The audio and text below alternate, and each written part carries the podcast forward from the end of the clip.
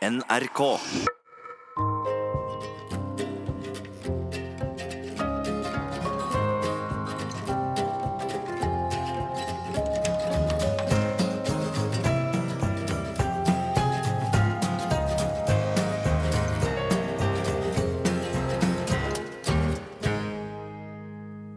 Jeg heter Mira Bergav Refsum. Til daglig jobber jeg med presse og kommunikasjon i festivalen Oslo World. Men jeg har på et vis bygget meg opp en liten karriere på si, med kropp, seksualitet og musikk i fokus. Jeg har spilt utallige konserter iført kun en Stars and Stripes-badedrakt i bandet Kuk. I den samme badedrakten har jeg holdt en TEDX-talk om alle klisjeene man møter på som kvinne i musikkbransjen. Jeg stilte opp som såkalt pornoentusiast i Trygdekontoret, og blogget om seksualitet, kjønnsroller og kropp i Dagbladet. Selv har jeg ingen utdannelse som kvalifiserer meg til å prate om disse tingene, men jeg har en kropp og en seksualitet, og helt siden jeg var liten og kjøpte pornoblader til venninnene mine, har jeg hatt et kanskje vel usensurert forhold til det å prate om begge deler. Det at jeg alltid har vært komfortabel med å prate om kropp, betyr på ingen måte at jeg alltid er eller har vært komfortabel i min egen kropp, uansett hvor mye jeg ønsket det. Jeg skal spare dere for intime detaljer, men allikevel bruke den neste timen til å prate om mitt snart 30 år gamle venn og uvennskap med min lange, bleike og hårete kvinnekropp.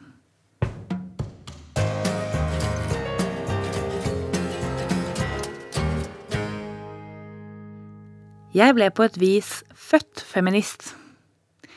Fra jeg var liten av, har jeg vært omringet av sterke, nakne og til tider hårete damer. Oldemødrene og bestemødrene mine, mamma, tante og venninnene deres. De har lært meg gamle feministiske kampsanger. De har også lært meg om likestilling, viktigheten av å ikke la seg bli fanget i forventningene til eget kjønn. De har lært meg om grensesetting og det å rett og slett gi faen.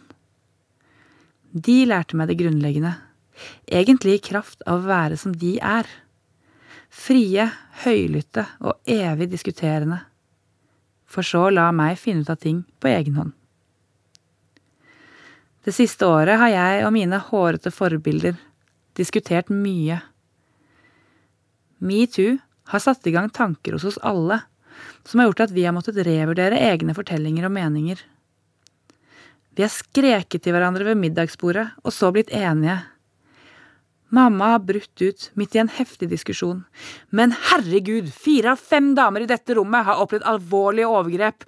Hvordan kan du si at dette ikke er et problem knyttet til kjønn? Mange diskusjoner starter med Giske, men ender i noe større. Noe det virker som om vi ikke helt har funnet et språk for ennå, men som åpenbart føles personlig og sårt for flere av oss. Har man sønner, bekymrer man seg kanskje for deres fremtid som potensielt klumsete unge menn. Har man jobbet i deler av verden der unge jenter blir giftet bort, omskåret eller nektet utdanning, syns man kanskje privilegerte sutrekjerringer som oss selv må ta ansvar for egne relasjoner uten å sette himmel og jord i bevegelse på grunn av et rumpegrab eller slibrige SMS-er. Jeg forstår godt skepsisen til deler av metoo. Allikevel blir jeg så forbanna av disse diskusjonene at jeg er redd for å bite i stykker mine egne tenner når jeg går og legger meg. Det er mest sannsynlig fordi at midt oppi det enormt privilegerte livet jeg har levd, så er det situasjoner knyttet til kropp og seksualitet at jeg har opplevd både å bli behandlet åpenbart urettferdig og å bli begrenset på grunn av kjønnet mitt. Det er også i situasjoner knyttet til kropp og seksualitet at jeg har møtt meg selv mest i døra. Som feminist, kone, pulevenn, voldtektsoverlever, musiker, datter og samtalepartner eller debattant. Når jeg og venninner befinner oss i lukkede rom med hverandre, vin og fri tilgang til stereoen, så kommer alle historiene opp. De positive, negative, flaue, skrytete, vanskelige og vonde fortellingene om kroppene våre. Om menn, damer, valker, sex, klitoriser, kjønnslepper, hengepupper og brystvorter, hakehår, onani, porno, fantasier, voldtekter, overgrep, spiseforstyrrelser, cellulitter, magesmerter, menssmerter, grensesprengende sex, helt normal sex, orgasmer, mangelen på orgasmer, graviditeter, vaginakuler, celleprøver og syster. Flere av disse historiene tror jeg det hadde vært fint om hørte offentligheten til. Det er politikk og kraft i det private.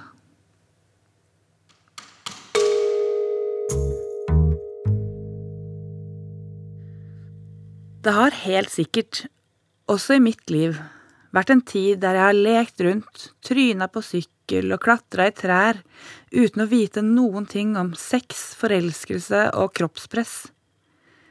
Der kroppen min bare har vært et verktøy for lek og læring. Men jeg kan ikke huske det. Så lenge jeg kan huske, har jeg alltid visst hva sex har vært, og jeg har alltid vært forelsket, gjerne i flere på en gang.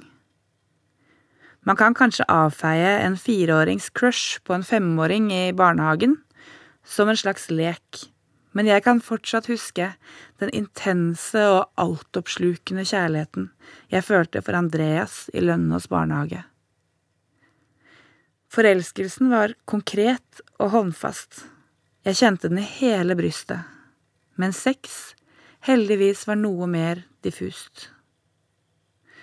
Vi pratet om det i vennegjengen. Vi pulte hverandre til og med.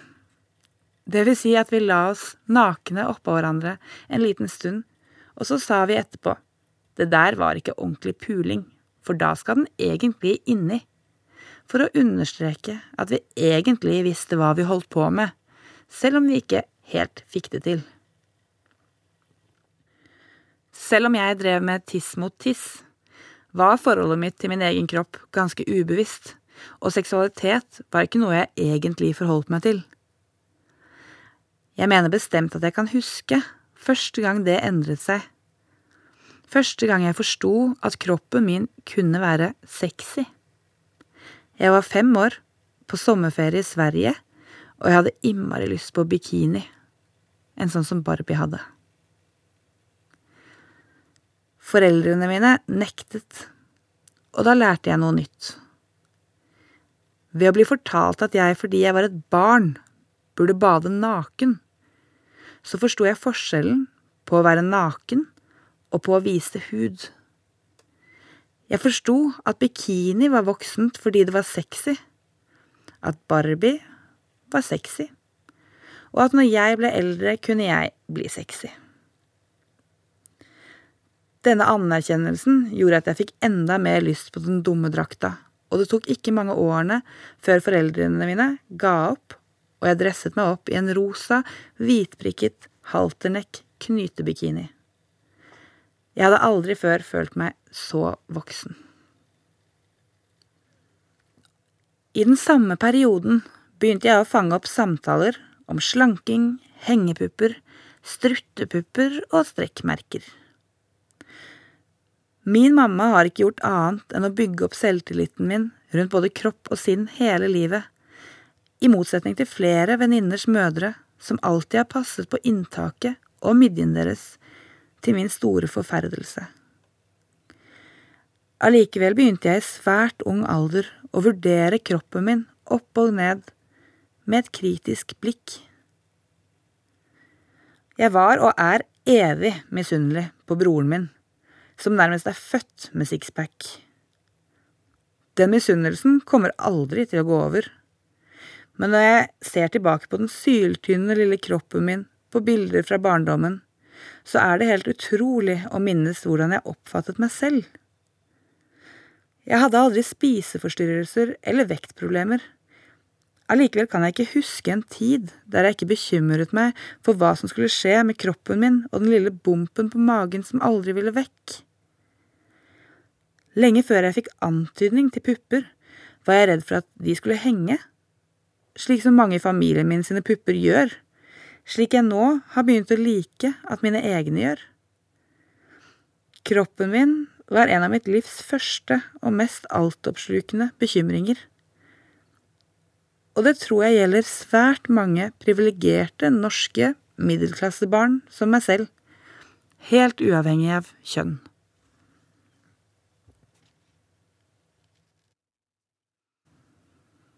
Det startet på barneskolen. Det var ikke vi jentene, men guttene som ble holdt nede. Vi holdt dem fast og kysset dem, gjerne i flokk, gjerne på én gang, gjerne hundre kyss på munnen. Uskyldig lek er et litt rart begrep, men kysseleken var vel noe i den duren. Allikevel kan jeg uten problemer se for meg desperasjonen noen av disse guttene muligens opplevde der de lå, spent fast, mens vi klinte løs. Litt som å bli kilt, dynket i sne, banket opp. Alle disse situasjonene der man rett og slett mister helt kontrollen over sin egen kropp. Etter hvert som jentene begynte å få pupper, jeg var selvfølgelig først ut, var det vår tur til å miste kontrollen. En av guttene i klassen pleide å kaste oss opp mot veggen og jokke løs mens han skviste brystvortene våre til vi skrek av smerte. En annen gikk rundt med innebandykølla si i gangen som han stakk opp i skrittet på oss, for så å le hysterisk. En del av meg syntes det hele var vanvittig ubehagelig. Samtidig så var jeg også litt lettet over at jeg, som var så stygg, ble utsatt for slikt. Tenna mine sto rett ut etter en sykkelulykke. Kroppen min var vel tidlig utviklet og ikke helt heldig proporsjonert.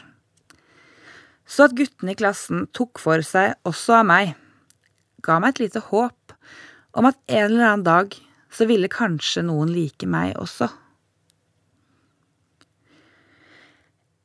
En gang holdt de meg fast lenger enn vanlig. Det var flere gutter på en gang, og de ville ikke gi slipp. Jeg brølte og kastet de av meg en etter en. Jeg husker det oppsto en voldsom panikk. Og da de alle var av meg, så pælmet jeg en god morgenyoghurt over han ene i rent sinne. Læreren kastet meg ut av timen etterpå og sa at jeg måtte lære meg å kontrollere sinnet mitt. Han med innebandykølla fikk beskjed om å gi seg etter hvert. Det gjorde jo direkte vondt med en kølle i musa. Men så vidt jeg vet, fikk aldri guttene i klassen beskjed fra noe som helst hold om at det ikke var greit å holde oss jentene fast, tafse og jokke på oss. Først kysseleken, så dette. Om noen av de vokste opp til å bli menn som ikke helt skjønte dette med samtykke, så kan jeg jo nesten skjønne forvirringen. Barneskolen var selvfølgelig ikke bare dumt, og de fleste av guttene var søte og snille. Etter skolen dro vi hjem til hverandre og lekte nødt eller sannhet, prøvde å decode sensuren på kanalene som viste porno og lo oss i hjel av stønnelydene.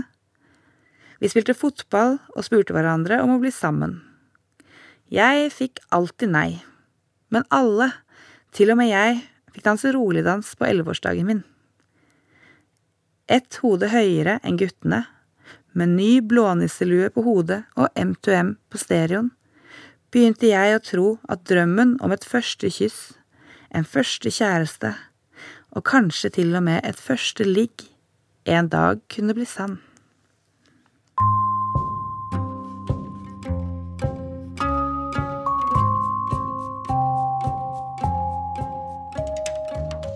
På ungdomsskolen var jeg fortsatt like lite populær blant det motsatte kjønn.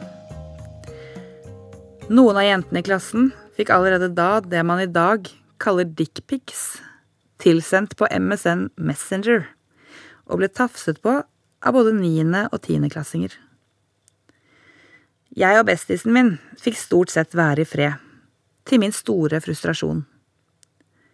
Med bananpuper, kviser, giganese og reggis var jeg så usikker på min egen attraktivitet at jeg misunnet alle de som var så heldige å oppleve ufine tilnærmelser fra det motsatte kjønn.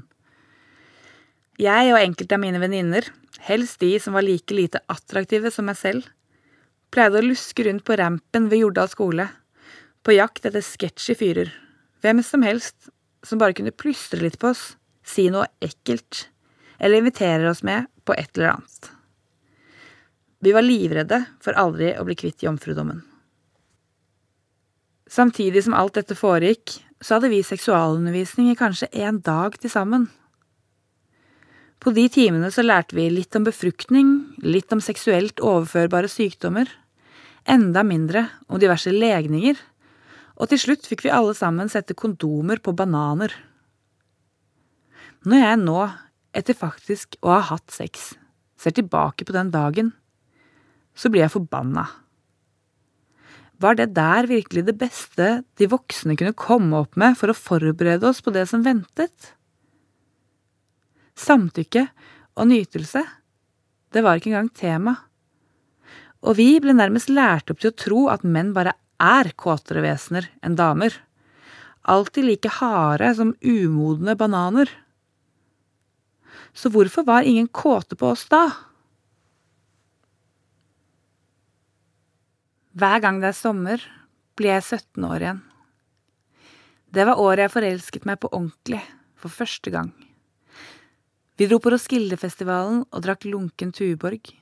Dro inn til Roskilde by og kjøpte Jack Daniels som vi helte over i store, avkappede colaflasker, så vi kunne ta det med oss inn på området og vandre fra konsert til konsert, fra pipe til pipe, og fra guttegjeng til guttegjeng. Fra å ha vært livredde for at vi aldri skulle bli likt av gutter, hadde vi på under et år fått klint alle sammen. To av oss hadde pult. Bestevenninna mi gjorde det til og med på stranda, og resten av oss, vi håpet på det beste. Vi delte buss med en gjeng fra Katta, og han ene ble kjæresten min. For første gang møtte jeg en mann som respekterte, beundret og forelsket seg i meg og det forandret hele livet mitt. Jeg vil si, selv om det er passe klissete, at det forandret hele forholdet mitt til min egen kropp. Det var som om den plutselig fungerte.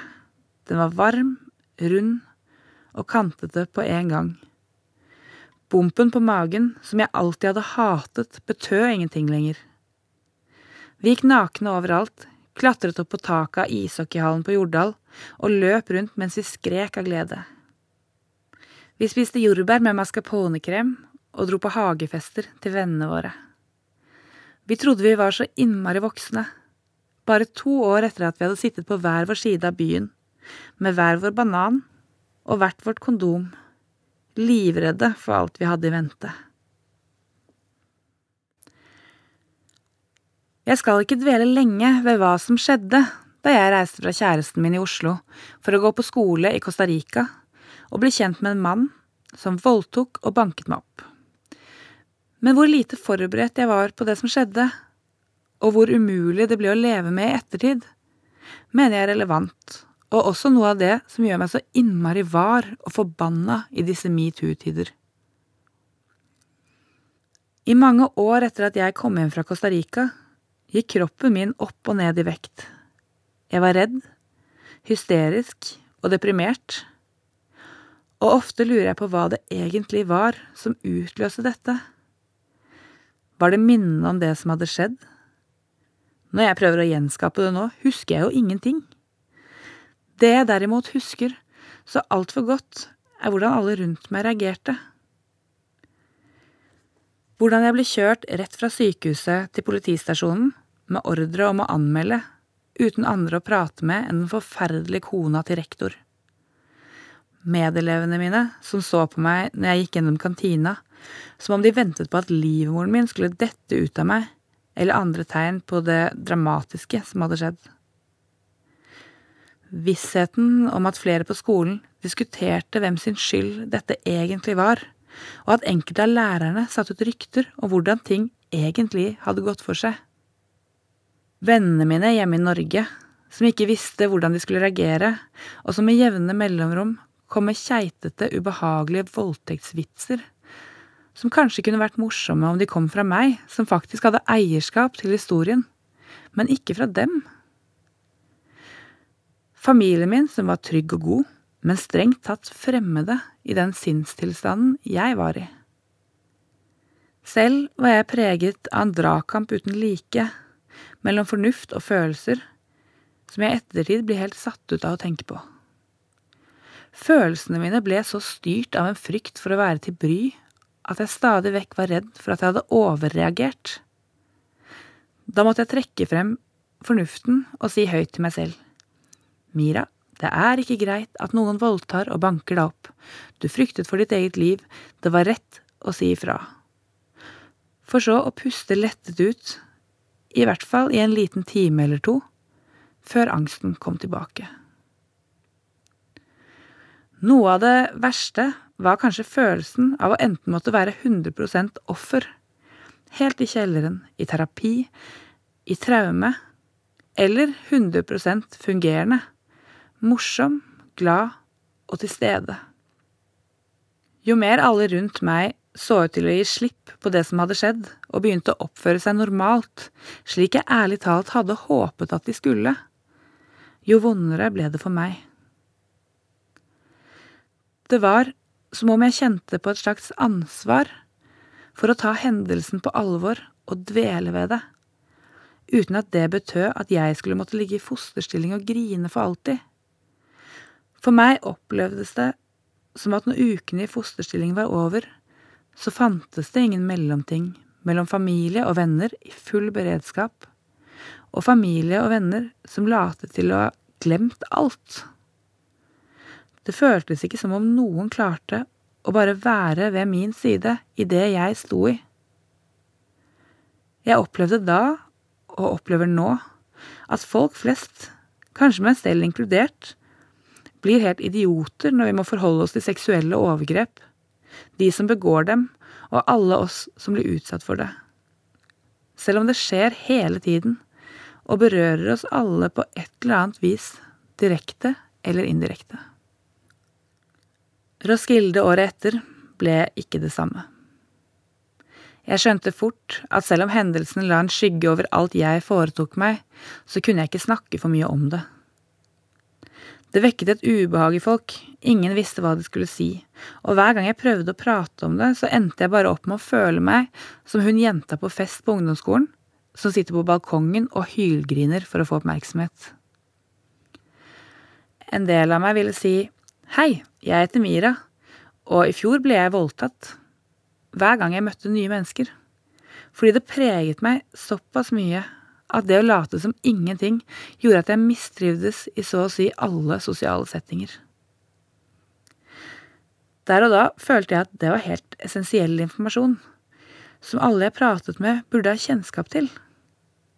Jeg ville ikke nødvendigvis prate så innmari mye om det. Jeg ville bare at folk skulle vite hva som lå ulmet baki der, mens vi snakket om hvor mange sigg vi tok om dagen, yndlingsbandene våre, dusjrutiner og planer for årene som kom. Jeg ville at vi alle skulle minnes Mira 17 år, og det hun faktisk hadde vært igjennom. Det føltes brutalt at livet bare skulle fortsette, som om en liten del av meg forsvant, og som om kroppen min bar på en altoppslukende historie som verken jeg eller andre klarte å forholde oss til. Jeg vet ikke om det var selve voldtekten som satte så dype spor og forandret livet mitt i så mange år, eller om det var den elendige håndteringen av den og mangelen på et språk, likesinnede, forståelse og åpenhet som tok knekken på meg. Sikkert begge deler, men det er faktisk ikke voldtekten jeg tenker tilbake på med sinne, frustrasjon og sorg den dag i dag. Det er alt det rundt.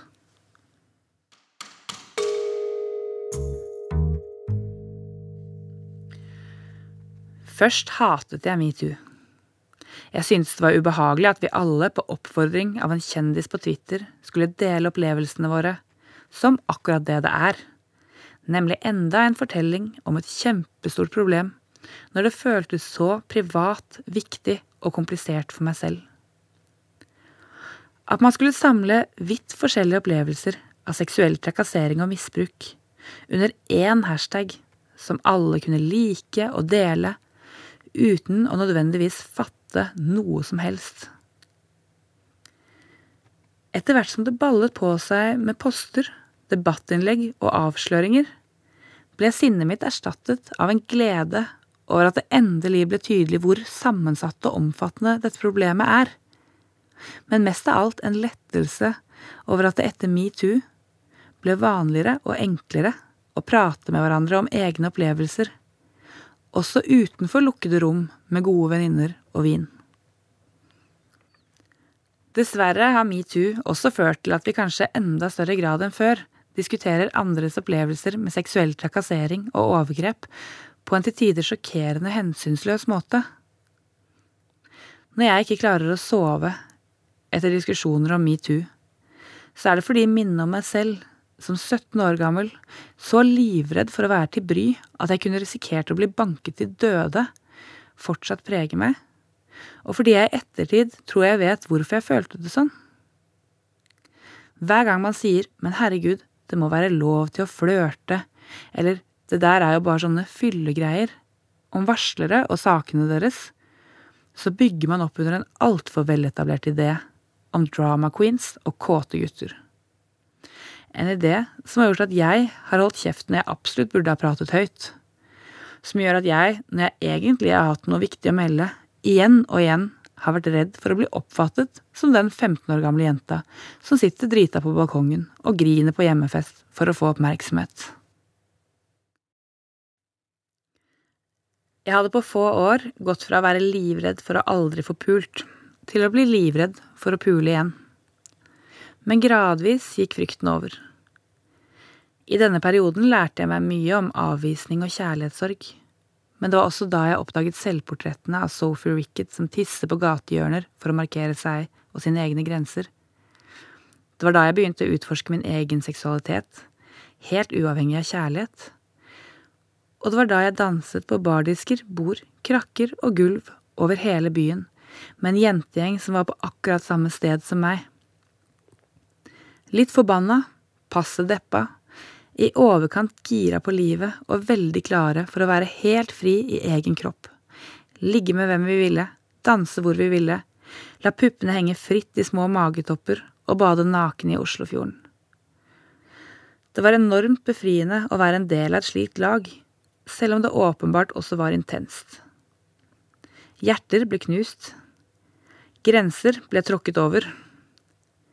Og vi sleit alle med vårt, og sikkert også med ensomheten. Men så møttes vi. I chattegrupper på Facebook, på kafé og på fest, og lo av alt som var gøy og kjipt.